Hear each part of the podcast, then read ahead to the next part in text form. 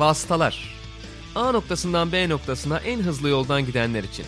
Malisel Işık, Barkın Kızıl ve konukları motor sporları gündemini değerlendiriyor.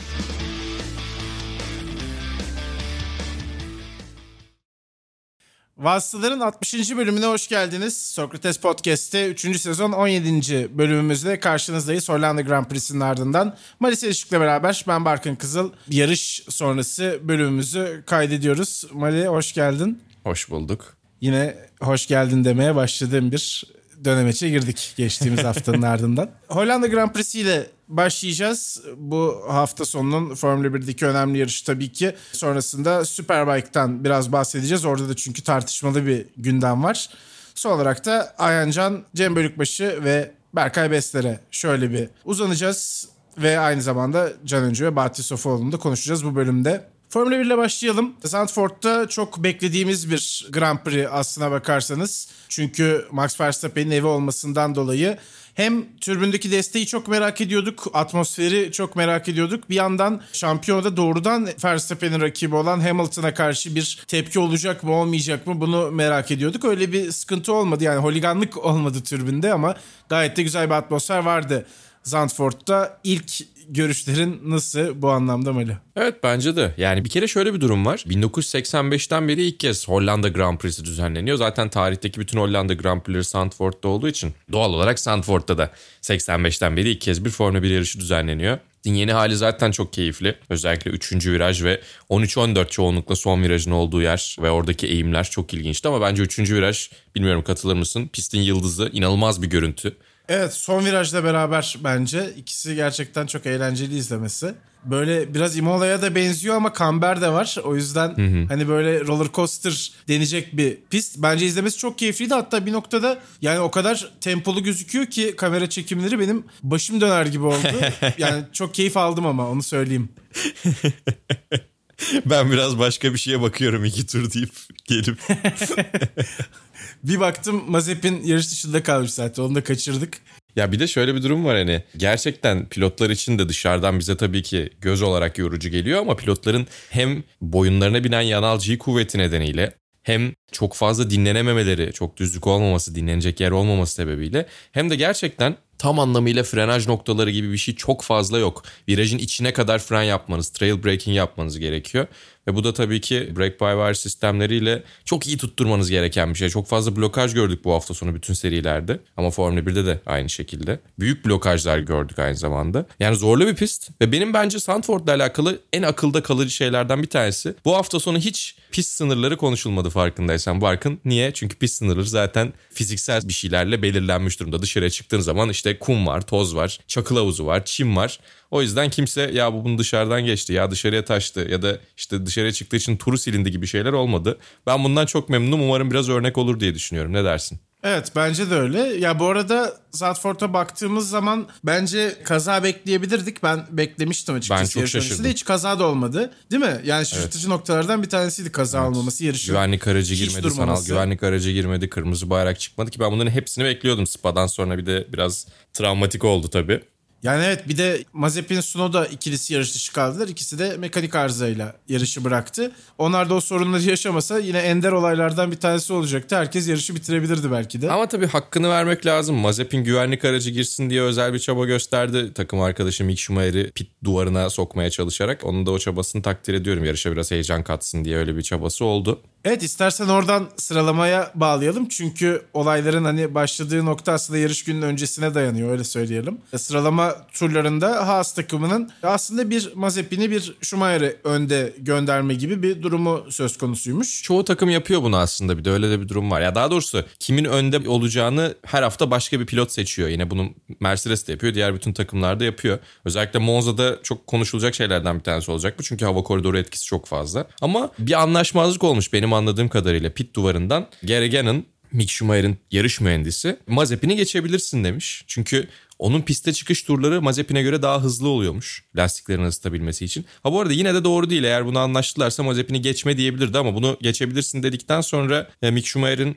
geçmesinde çok bir problem yok diye düşünüyorum. Ama sonrasında Mazepin yerini geri almaya çalışırken e, Vettel'in mi önünde kalmış? Çok ciddi bir an yaşadılar. Öyle bir saçma durum ortaya çıktı. Sonrasında da Mazepin bayağı sinirlenmiş. O siniri pazar gününe taşıyıp böyle bir şey yapıyor olması bence biraz problem. Yoksa takım arkadaşları da olsa yaklaşabilirler. İşte ne bileyim temas olabilir, işte agresif savunma yapabilir. Çok ciddi problemler değil bunlar ama biraz cumartesi gününün sinirini dediğim gibi oradaki hoşnutsuzluğu pazar gününe taşıması bence biraz problem. Onu oturup konuşmaları gerekiyor. Evet yani böyle olduğu zaman biraz herkese zarar oluyor. Kendisine de oluyor. E tabii takım bilenip çıkamazsınız da hiçbir yarışa yani olmaz öyle iş. Evet yani sonuçta gerçekten de takımın çıkarlarını hiç gözetmeyen bir hareket oldu Nikita Mazepin'den. Bu tabii tartışmalı konulardan bir tanesiydi sıralamalar için. Sen Monza için de söyledin. Bakalım Monza neler göreceğiz. Geçtiğimiz yıllarda da çok alışkın olduğumuz görüntüler zaten. Orada da yine gerginlikler olabilir. Belki hani rakiplerin hava koridorunu kullanmak bir durum ama takımın kararına karşı çıkıp ya da takımın kararına uymayıp bir şeyler yapmak da sinir bozucu olabiliyor. Mazepin'in de çok profesyonel yaklaşmadığını söylemek lazım yine de. Sıralamalarla ilgili tabii dikkat çeken performanslardan bir tanesi Antonio Giovinazzi'den geldi ki bir süredir sessiz aslına bakarsanız Alfa Romeo'lar. Giovinazzi Q3'e kalmayı başardı ve aslına bakarsanız bence yarış içinde iyi bir beklenti yaratmıştı. Fakat yarış temposu olarak hiç oralarda olmadığını gördük zaten. Startta hemen ilk onun sonuna kadar geldi. İlk onun dışına da hızlı bir şekilde çıktı. Yani birazcık startta yerini koruyabilecek bir temposu olsaydı aracım bence iyi bir yerde puan alacak bir yerde bitirebilirlerdi. Tabii hiç geçiş olmuyor değil. Görünenin aksine aslında bazı yerlerde hakikaten atak yapabiliyorsunuz Sandford'da. Özellikle virajların eğiminden dolayı dış çizgide kalsanız da geçiş yapabildiğiniz bir durum var. Bu bazen avantaj olarak da öne çıkıyor. Özellikle ilk virajda, Tarzan virajında. Ama yani bir şekilde puan alabilir gibi görünüyordu. Tabii sonra şanssızlıklar da geldi başına. Lastik patlattı falan derken puanın dışında kaldı. Ama Alfa Romeo için zaman daralıyor. Yani o 20 puanı çok mucizevi bir şekilde toplamaları gerekiyor. Zaten becerebilirlerse çok zor görünüyor. Ama onun dışında düzenli puan alarak da aslında bunu yapabilirler ama düzenli puan alacak noktada değiller gibi görünüyor. Ve bunun için farklı taktikler mi denerler, bir şeyler mi yaparlar? Bak birkaç haftadır konuşuyoruz. Alfa Romeo neden risk almıyor diye. Çok risk alabilecek konumda da değiller. Biraz arada derede kalmış gibi duruyorlar. Ama Giovinazzi hakikaten bence bu hafta sonu iyi bir performans sergiledi. Tabii onun geleceği de biraz sallantıda aslında. Evet gerçekten yani onun adı çok geçmiyor ama dedikodular sürekli onun koltuğunun etrafında dönüyor bir anlamda. Bakalım seneye izleyecek miyiz İtalyan sürücüyü? Muhtemelen Veke gidebilir. Evet bana da öyle geliyor. Ya Prema, Prema LMP2'de bir takım kuruyor. Muhtemelen Ferrari Hypercar projesi geldiği zaman hazır olması için Prema'ya LMP2'ye gönderebilirler Veke. İşte Callum Aylett olsun ne bileyim işte Antonio Giovinazzi olsun. Onlar Dünya Dayanıklık Şampiyonası'nda Ferrari'nin pilotları olabilecek isimler bence. Gayet de güzel yakışır.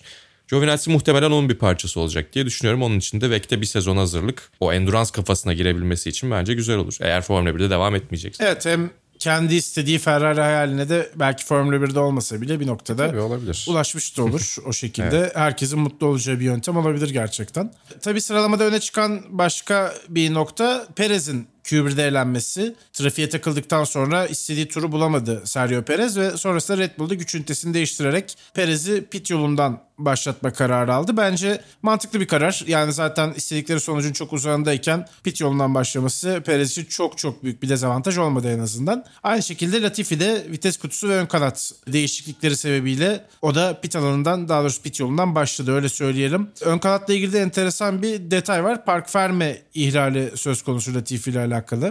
Evet tamamen aynı ön kanadı takmanız gerekiyor eğer ön kanat değiştirmek istiyorsanız ama %100 aynı spekte olan bir ön kanat Williams'ın elinde olmadığı için farklı bir kanat taktılar. E bu da tabii ki avantaj sağlayabilecek, sağlar mı sağlamaz mı kısmı değil, sağlayabilecek bir parça değişikliği olduğu için ya da farklı olduğu için sadece işte park verme kuralları bozulmuş oluyor. O yüzden de pit yolundan başlamak zorunda kaldı. Aslında aynı kanattan olsaydı 5 sıra grid cezası alacaktı. Yani gridin en arkasından başlayacaktı. Ve bu arada sıralama turlarından bahsederken Robert Kubica'dan da çok kısa bahsetmek gerekiyor diye düşünüyorum aslında. Ondan sonra bahsedeceğiz Kimi Raikkonen'in emeklilik haberi. Sonrasında Covid pozitif çıkması ve Kubica'nın yarışta yer almasıyla. Ama yani sadece bir serbest antrenman ki orada da ne kadar hazır olabilirsiniz tartışılır ve sonrasında sıralama turuna çıktı. Yarışta da bence gayet iyi işler yaptı Robert Kubica. Onun da ilk piste çıktığı gündü. Bu sezon cumartesi günü bir sıralama turunda ilk kez piste çıktığı e, gündü. Hatta ilk kez cumartesi günü de piste çıkmış olabilir. Çünkü normalde cuma antrenmanlarını da alıyorlar tabii.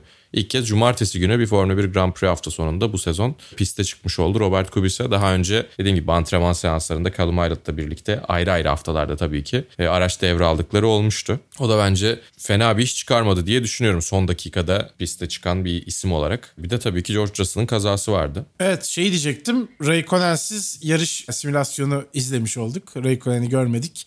Emeklilik kararının ardından gelen yarışta. Ee, evet Russell'dan devam edelim. O da büyük bir kaza yaptı ve kırmızı bayrağın çıkmasına sebep oldu. Yine hızlı gözüküyordu aslına bakarsanız. George Russell evet bu yarışı puansız kapattı ama genel hız olarak zaten ne durumda olduğunu biliyoruz ve şunun da altı çizelim bu noktada. Biz bu podcast'i pazartesi öğlen saatlerinde kaydediyoruz. Henüz bu transfer dedikodu ile ilgili bir kesinlik yok, resmi açıklama yok. Belki biz bölümü yayınladığımızda imzalar açıklanmış olabilir. Yani o imzalar atıldı artık onu biliyoruz. Muhtemelen bugün içinde de duyurulabilir. Fakat şu anda haberimiz yok. O yüzden haberimiz yokmuş gibi yapıyoruz. Onu da söylemiş olalım. Evet Kanal Plus'un iddiaları vardı. Bottas bugün açıklanacak. Yani pazartesi açıklanacak. Russell da salı günü açıklanacak diye zannediyorum değil mi? Öyle bir haber evet, vardı. Evet öyle gözüküyor. Bakalım olacak mı? Biz de takip edeceğiz tabii ki. Bunun dışında Pierre Gasly'nin dördüncü sırayı alması ki yarışta da devam ettirdi zaten o performansını. Perez'in yokluğunda alabileceği en iyi sonuç diyebiliriz herhalde tırnak içinde. İşte Bottas, Verstappen, Hamilton üçlüsünü zaten ilk üçe genelde yazıyoruz bir şekilde.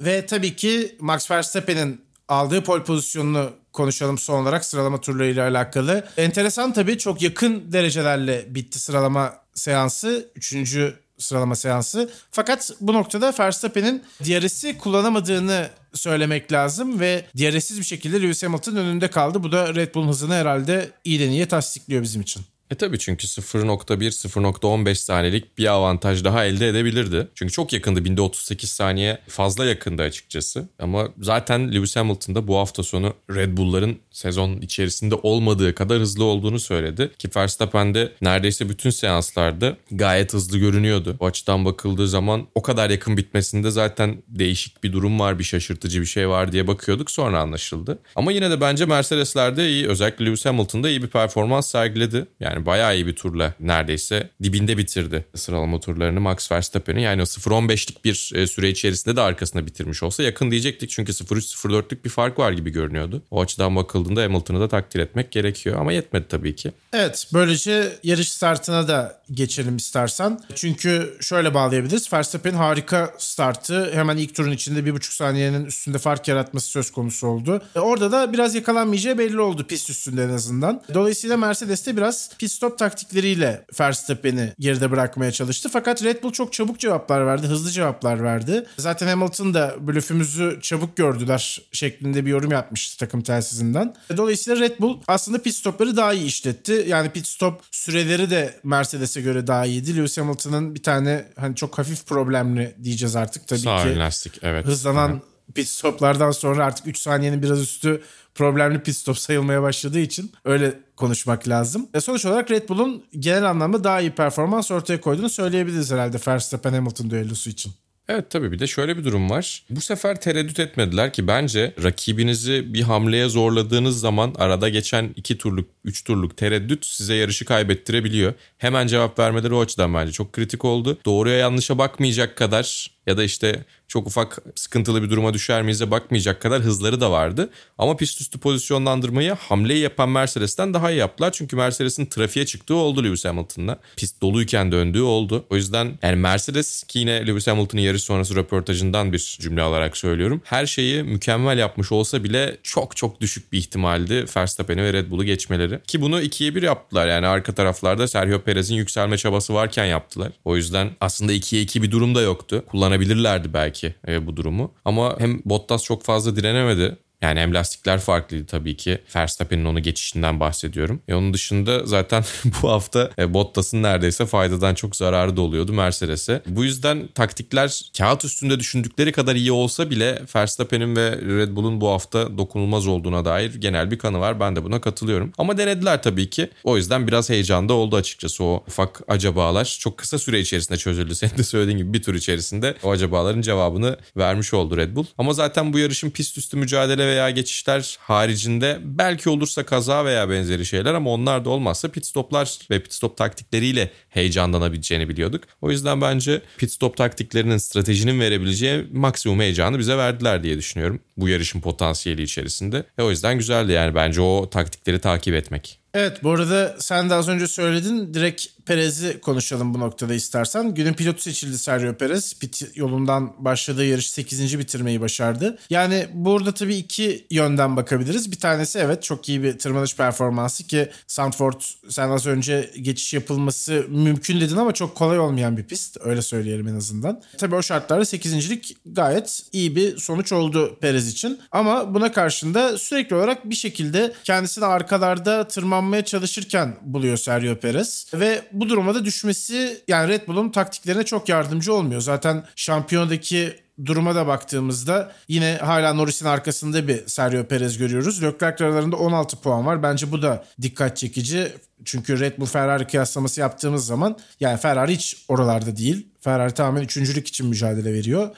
Red Bull şampiyonluk için yarışırken. O noktada bir türlü istikrarı hala tutturamadı Sergio Perez ki biz onun istikrarlı bir sürücü olduğunu konuşuyorduk. Red Bull'da tam olarak işler herhalde o şekilde gitmiyor şu ana kadar. Yani gününde bir Perez evet yarış kazanabilecek bir sürücü ama ya bu aralar biraz fazla zorlanıyor gerçekten bu konularla alakalı. Herhalde katılacaksın. Yani evet bir taraftan trafiğe takılıyor olması tamamen Sergio Perez'in sorunu değil sıralama turlarında. Ama neticede senin de söylediğin gibi çok fazla kendini geriden sıra kazanmak zorundayken buluyor. Bence bu genel bir problem. Bunu artık pit duvarıyla, yarış mühendisiyle, takımla oturup çözmeleri gerekiyor. Yani %100 bireysel hatalar kaynaklı olmaması bu problemin çözülmemesi gerektiği anlamına gelmiyor. Bu problemi çözmeleri gerekiyor. Ben günün pilotu Sergio Perez'de çok katılmıyorum bu arada. Dediğim gibi yani 8. bitirmesi güzeldi. Yarışa geçiş anlamında heyecan kattı. Ama Pierre Gasly'nin dördüncülüğü ve Max Verstappen'in bence kahramanca sürüşü varken Hakikaten yani 72 tur boyunca limitte gitti. Kendi evinde. Yani kazanan pilotu illa günün pilotu seçmememiz gerekiyor gibi bir şey yok bence. O yüzden kendi evinde kazanıyorsa özellikle. Hamilton'ın Silverstone'da olduğu gibi ki çok daha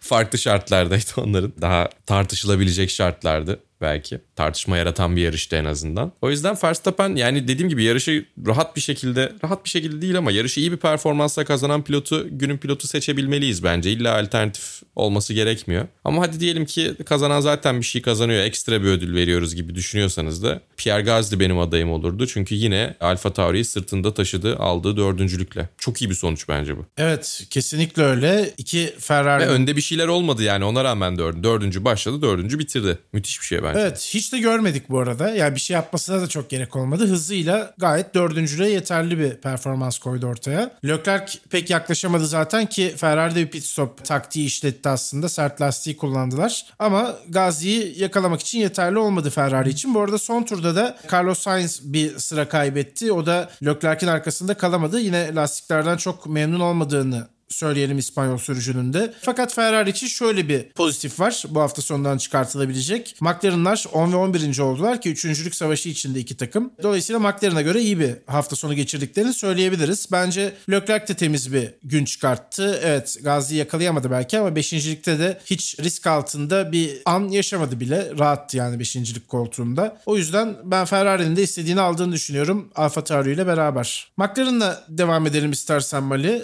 Yani birlikte konuşalım bu takımları. Çünkü rekabetin çok yoğun olduğu bir ikili. Yine tıpkı Mercedes ve Red Bull gibi. McLaren için neler söylemek lazım? Hem Norris hem Ricardo yani beklediğimiz temponun altındalardı ama Sandford'da sanki biraz daha anlaşılabilir bir durum olarak mı görmek lazım bunu acaba? Evet hem o hem de tabii sıralama turlarında biraz şanssız oldular onlar. Ters köşede kalan pilotlar vardı. Lando Norris de onlardan bir tanesiydi açıkçası. Yani açıkçası birbirlerini tamamlıyor gibiler performans olarak McLaren ve Ferrari. McLaren'in iyi olduğu yerlerde Ferrari çok öne çıkamıyor. Ferrari'nin iyi olduğu yerlerde McLaren gerilerde kalıyor gibi bir durum oluştu bence. Her yarışta olmasa da bazı yarışlarda birisi öne çıkıyorsa en azından iki takımın da silik olduğu yarışlar da oluyor tabii ki ama e bu tabii ki sürekli bir sarkaç etkisi de yaratıyor. Bir üçüncülük McLaren tarafına gidiyor, bir Ferrari tarafına gidiyor. O yüzden sezonun sonuna kadar da böyle olacak gibi duruyor. Yani hepsinin birlikte iyi olduğu, iyi performans. Ya zaten o kadar sıra yok zaten. Hani öndeki iki takım tamamen çarpışmadığı sürece ki bazen olabiliyor böyle şeyler ama arada Ferrari ve McLaren da gidiyor Macaristan'da olduğu gibi. E, öyle bir yarış görmediğimiz için tam olarak kafa kafaya verdiğimizde bu dört pilotu neler çıkabileceğini de %100 bilmiyoruz. Çünkü genelde dediğim gibi e, eksiklikleri ve e, öne çıkan özellikleri çok birbirlerine zıt gibi duruyor. Araç performansı olarak da. Ama tabii ki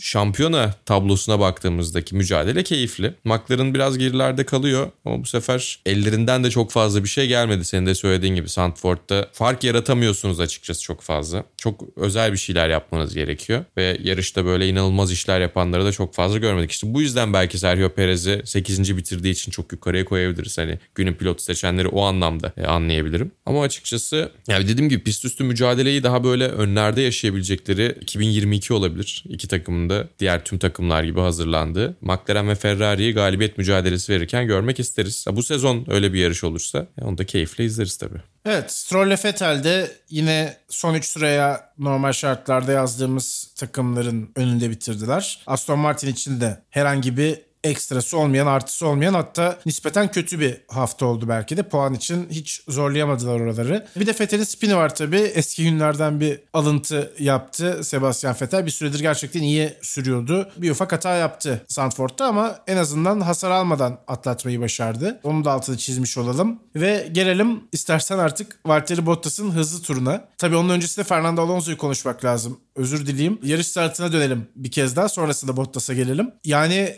kaza olmadı dedik ama o kazaların ucundan 3 kere döndük Fernando Alonso ile beraber. Russell Giovinazzi o üçlüsünün 3 de temaslar yaşadı. Özellikle o konuda nispeten daha sert bir temas oldu ki yani iki takım arkadaşı arasında hiç Alpin istemeyeceği bir durum meydana gelebilirdi. İki isim de lastik patlatabilirdi gerçekten ya da süspansiyonda bir hasar olabilirdi. Öyle bir temas. Fakat ya o kadar soğukkanlı ve o kadar keskin bir sürücü ki oradan da gidip bütün o rakiplerinin önüne geçti. Ferrari'lerin arkasına yerleşti Alonso. Çok enteresan bir yarış başlangıcı. Onu her zaman yarış startlarıyla överiz. Ama bu defa yani temiz olmayan ama sonucunda Alonso'nun güldüğü bir start oldu. Evet yani rallycross startı gibiydi. Alonso rallycross'a gitse iyi iş yaparmış onu gösterdi gerçekten. Yarış içerisinde de aslında güzel birkaç hamlesini gördük. Bazılarını göremedik. Carlos Sainz'a yaptığı son bölümdeki geçişi göremedik mesela. Carlos Sainz'ı takibi ve daha önceki o mücadeleyi de sol taraftaki grafiğin böyle bir küçük görüntü içinde görüntü verdikleri yerde. Hani bakkala bir şey almaya girdiğimizde sağ yukarıda 37 ekrana bakar gibi izledik. Ya o arada da çok bir şey vermiyorlardı. Ben bazen e, yine form rejisinin de tercihlerini biraz sorguluyorum açıkçası. Tamam atmosferi gösteriyorlar, güzel bir görüntü var falan ama ya o neredeyse her zaman dönebileceğiniz bir görüntü. Pist üstü aksiyon varken yarışın son turu son virajı değilse yani kazananı göstermeniz gerekmiyorsa bence aksiyon neredeyse onu göstermeniz gerekiyor. Gözden çok fazla aksiyon kaçıyor. İnsanlar sonra yarışı bir de hiçbir şey olmadı diye de hatırlayabiliyor. Aslında orta sıralarda kıyametlerin koptuğu yarışlarda sadece statik görüntülerle ya da işte geçiş olmayan şekilde görüntüler vererek yarışın yanlış algılanmasına bile sebep olabiliyor bence. Evet geçen sezon konuşuyorduk hatırlıyorsundur herhalde. Yani orta sıralar hiç görüntüye gelmiyor. Bazı pilotları görmeden Ama o grafikler yeşiller kırmızılar bir şeyler sürekli oluyor. Orada geçiş oluyor görüyorsun yani sıralama grafiğinde. Sol taraftaki sol sütundaki. Ama dediğin gibi ekrana gelmiyor. O zaman da sıkıcı gibi görünüyor yarış. Halbuki bir sürü bir şey oluyor. Evet yani gerçekten aksiyon anlarını neden daha iyi seçip yani resim seçme konusunda bu kadar nasıl söyleyeyim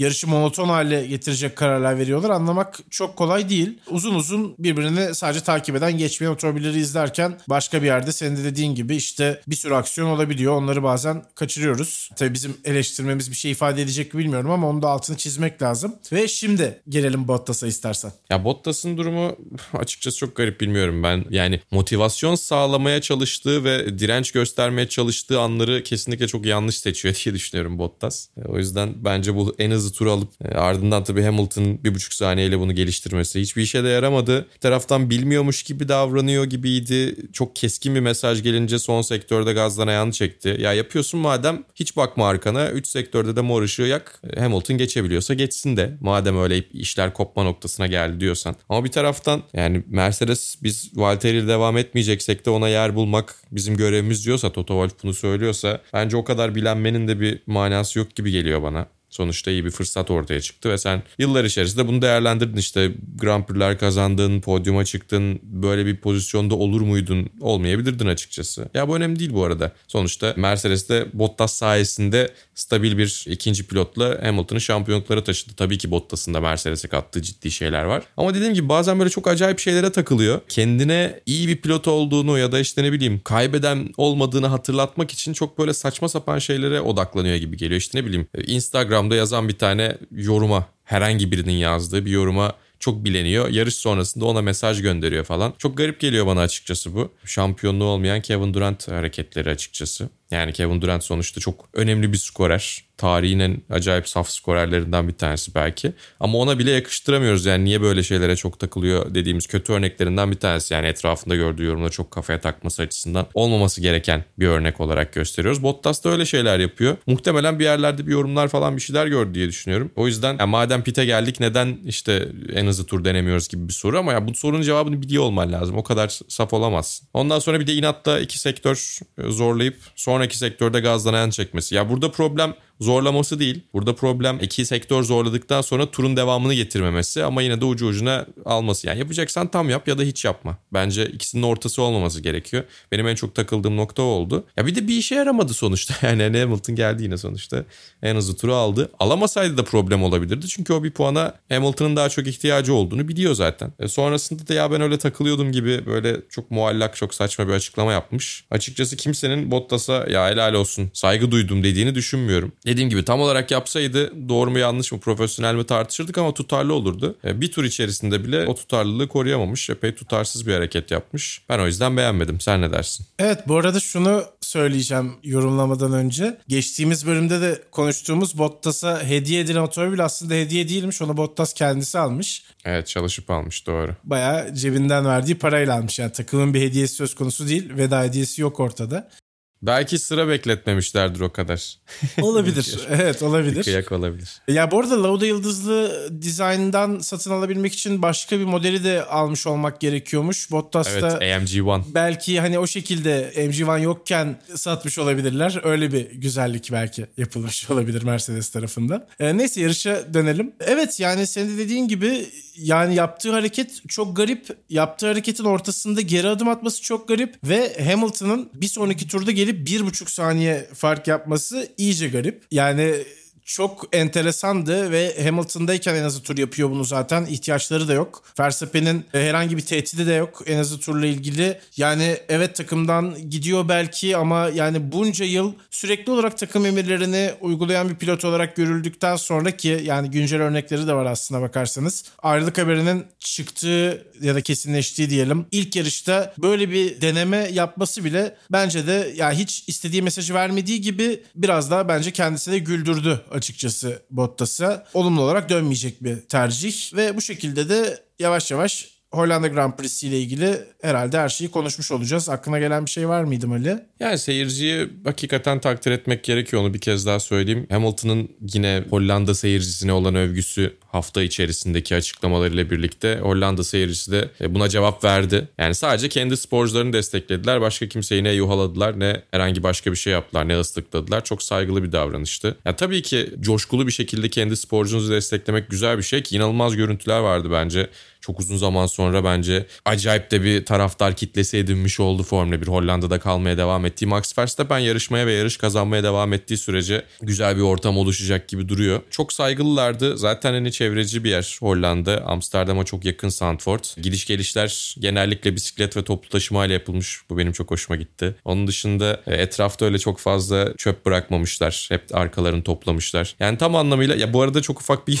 yangın da çıkıyormuş o meşalelerden. Onu kendileri söndürmüşler falan. Yani çıkarmasalar daha iyiymiş tabii ama sonrasında söndürmüşler. Gösteri olarak çok güzeldi. Hockenheim'ın o havai fişek gösterisine evet, benzer şekilde de. öyle bir bir sıra havai fişek yapmışlar. O da bence Sandford'a yakışmış. Tam anlamıyla organizasyon anlamında da taraftarlar olarak da hiç böyle ağzımızda buruk bir tat bırakacak şey yapmadılar. O anlamda da ben saygı duydum açıkçası. Bir alkış da onlar hak ediyor. Ya bu arada şey de, alkışladılar bu arada. Şey de dikkatimi çekti evet. Onu da söyleyecektim. Podyumda da alkışladılar özellikle. Yani muhtemelen Verstappen'in kazanması çok yüksek ihtimal olduğu için milli marşı okuyan sanatçıyı da göndermemişler. Evet. Hollanda Milli Marşı bayağı canlı performans şeklinde gerçekleşti. Doğru. Sen bir daha oku diye. Evet, aynen öyle. Kraliyet ailesi de oradaydı. Kraliyet ailesi de oradaydı. Aynen öyle. Bu şekilde geçti Sandford Hollanda Grand Prix'si. Ve Formula 1'i kapatalım. Şöyle bir Superbike'a bakalım. Çünkü orada gündem gerçekten sıcak. Toprak Razgatlıoğlu hafta sonunun 3 yarışını da aslına bakarsanız kazandığı bir dönemecin ardından bir anda Jonathan Rea ve Kawasaki cephesinin itirazlarıyla burun buruna geldi ve Superpole yarışında bir sıra cezası alarak şampiyondaki NGD rakibi Ray'in arkasına düştü ama yani burada konuşulacak nokta olayın inceliği. Toprağın birkaç santimle işte pist sınırlarının dışına çıktığını söylüyor Kawasaki cephesi ki görüntülerde de bu doğrulanıyor. Kurallara göre evet ceza alması lazım ama yani mücadelenin tadını diyelim bu kadar kaçırmaya gerek olacak bir itiraz mı? Ondan emin değiliz. Sen neler söylemek istersin?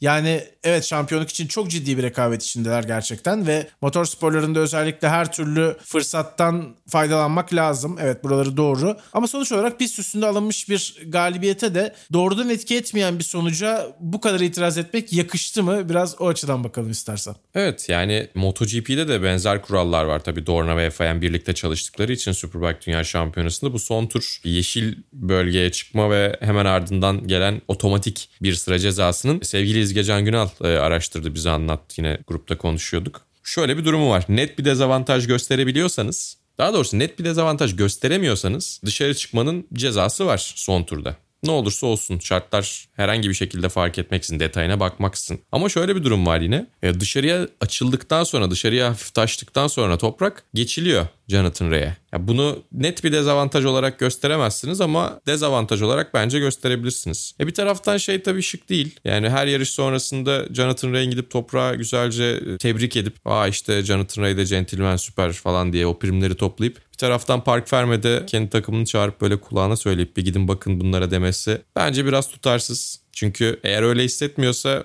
toprağa o kadar iyi davranmak zorunda değil bence. Eğer onu yapıyorsa bence yani tabii ki kural kuraldır. Onu söylüyorum. Ceza haksız veya saçma veya yanlış diyemem ama bence doğru değil. Ve tabii bunun çok geç çıkması da garip oldu. Çünkü ikinci yarışın sonucuna etki edecek bir cezaymış gibi anlaşıldı böyle ilk başta. Ben en azından ilk 5-10 saniye öyle zannettim. Superpol yarışı detayını sonradan idrak edelim. Çok geç çıktı. Çok geç incelediler. Normalde dışarıdan çok net bir şekilde görünen bir şey bu. Yani yarış yönetimi o son tur içerisinde canlı o anda anlık izlerken bunu fark ediyor ve varsa ceza veriyor. O zaman öyle bir şey ortaya çıkmamıştı. Kawasaki'nin itirazı sonrasında Jonathan Ray'in motosiklet üstü kamerasına bakıldığında çok ufak bir yeşile çıkış görünüyor. Ya bence o kuralın birazcık değerlendirilmesi gerekiyor. Yani artık ne olur bilmiyorum şu kadar süreyle pist dışında olur falan gibi bir detay koyarlar mı ama ya şu anki haliyle milimetrik de çıksanız bir sıra cezası vermek birazcık saçma geliyor bana. Ama dediğim gibi yani şunu yapalım ve bu problem tamamen çözülsün diyebilecek bir öneriye de sahip değilim. Ama kesinlikle üzerine konuşulması gereken bir kural. E, Toprak 3 yarışı birden kazandı aslında. Yani pist üstündeyken en azından durum böyleydi.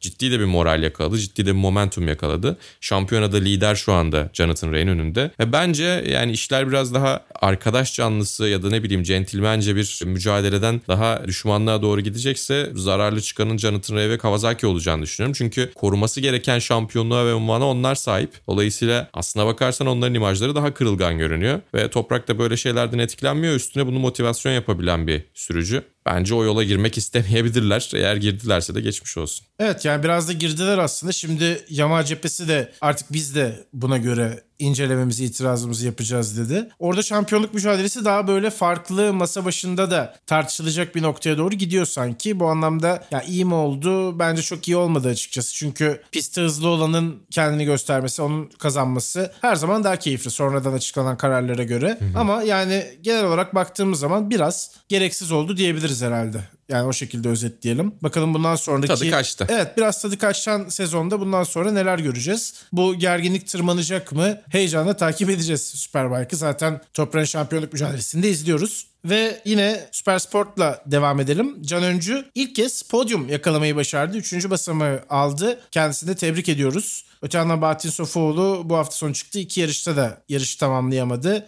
Çok iyi bir hafta olmadı. Şanssız oldu onun için. aslında. Yoksa hızlıydı Bahattin yine her hafta olduğu gibi. Süper Sport 300'de bayağı işler yapıyor. Aynı zamanda Süper Sport 300 İtalya Şampiyonası'nda da süper işler yapıyor Bahattin ama bu hafta onun haftası değildi. Can önce de senin söylediğin gibi ikinci yarışta üçüncü oldu. İlk yarışta da sekizinci olarak yine güzel puanlar toplamıştı. Buradan sonra bakalım düzenli podyumlar veya belki bir galibiyet sezon sonuna kadar gelir mi? Çünkü o ilk podyum hakikaten bazı şeyleri kilit anlamında açıyor bence zihninizde ve oraya varabildiğinizi gördükten sonra tekrar ulaşması daha rahat olabiliyor. Umarız o kırılma noktasını yaşamıştır diyelim Can Öncü. E, çünkü yani süper sportta zirvede olabilecek, zirve mücadelesi verebilecek hıza ve yeteneğe sahip. Kendisi de %100 buna inandığı zaman pistte daha iyi yansıtacaktır diye düşünüyorum. Evet bunu yarış galibiyeti için de çok söylerler biliyorsun. O ilkini gerçekleştirdikten sonra artık işler daha kolaylaşıyor diye. Ya evet belki sezonda çok fazla durak kalmadı artık gidilecek. Ama hala şans bulabilir Can Öncü. Ama ben özellikle önümüzdeki sezon için kendisini çok psikolojik anlamda rahatlatacak bir derece olduğunu düşünüyorum bunun.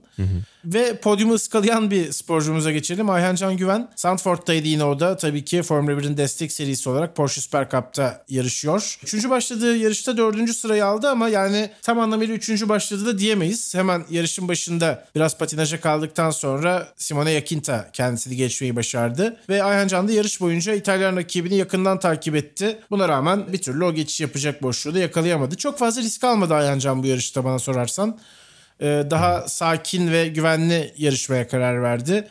E, ve podyum bir basamak uzağında kaldı. Onun için neler söylemek istersin? Yine ikimizin mikrofonda olduğu yarışta. Evet doğru. Ya ben Ayhan Can'ı bu hafta sonu kazanabilecek pilotlar arasında görüyordum doğrusu. Çünkü Porsche Carrera Cup Almanya'da burada yarışıp kazanmıştı ve tecrübesi vardı. Daha önceden bu sezonun en azından pistin performansını, pistin yapısını bilerek gelen bir isimdi. Ama tabii yani ilk iki sırada bitirenler takım arkadaşı bu arada. Loren Heinrich de Porsche Carrera Cup Almanya'dan geliyor. Leon Köhler'le birlikte. Ya onlar hakikaten sıralama turlarında da yarışta da çok uzaklardı. Arkadakilerden gayet iyilerdi ve kendi başlarına mücadele ettiler. E, o yüzden olabilecek en iyi performans, olabilecek en iyi sonuçta üçüncülük gibiydi. E, startı daha iyi alabilirdi tabii ki. O zaman üçüncü başlayıp üçüncü bitirecekti. Muhtemelen öndekilere yetişebilecek temposu arkadaki kimsenin yoktu. E, ama tabii Ayhan Can için önümüzdeki hafta, şu anda içinde bulunduğumuz haftanın hafta sonu cumartesi ve pazar iki tane Monza yarışıyla Porsche Super Cup sezonu bitecek. E, Monza'da keyifli yarış olma ihtimali çok yüksek. Ayhan Can'ın da daha fazla risk alabileceği bir yarış hafta sonu olur diye düşünüyorum. Evet hızlı da olduğu bir yine- bu arada. Yani kazanma şansı tabii. Da olacak iki defa. Evet. Aynen öyle. Ve bir de şey tabii şampiyonada üçüncülük mücadelesi hala devam ediyor. Risk yönetimini ona göre yapacaktır. Diğerleri hangi noktalarda yer alıyor diye onlara bakarak yapacaktır. Öyle tamamen sadece bir yarış kazanmak için çok büyük riskler alacağını düşünmüyorum. Çünkü yani ana değil geleceğe odaklanan bir pilot çoğunlukla. Ama keyifli olacaktır. Yani Sandford onun için müthiş bir hafta sonu olmadı. Beklediğinin biraz daha altındaydı. Ama ne olursa olsun dördüncülükte de sağlam sayılabilecek puanlar aldı. Ve puan almanın da ne kadar önemli olduğunu bu kısa şampiyonada biliyoruz. Puansız ayrıldığı yarışlarda hissettiğimiz üzüntüyle birlikte. Aynen öyle yani bir yarışta puan alamazsanız çok ciddi yer alıyor şampiyonluk şansı ki Ayhan Can iki yarışta puan alamadı şanssızlıklarla. Ee, o yüzden evet yani biraz daha podyumlara ve yarış galibiyetlerine belki şampiyonada işte ilk üçe odaklandığımız bir sezon geçiriyor. Tebrik ederim onu da dördüncülük gayet iyi bir sonuç aslına bakarsanız. Sadece bizim beklentilerimiz yüksek onun da kendisinden beklentisi yüksek ama tebrik ederek Ayhan Can'la ilgili de noktayı koyalım. GT4 Avrupa Şampiyonası'nda da Cem Bölükbaşı ve Berkay Besler. Onlar da 7. ve 14. oldular. Yine bu haftada pistteydi temsilcilerimiz bu şekilde. Ve böylece bölümün de sonuna geliyoruz. Vasıtaların 60. bölümünü dinlediniz. Önümüzdeki hafta Monza'dan sonra İtalya Grand Prix'sinden sonra tekrar mikrofonlarımızın başında olacağız. Bir sonraki bölümde görüşmek üzere. Hoşçakalın. Hoşçakalın.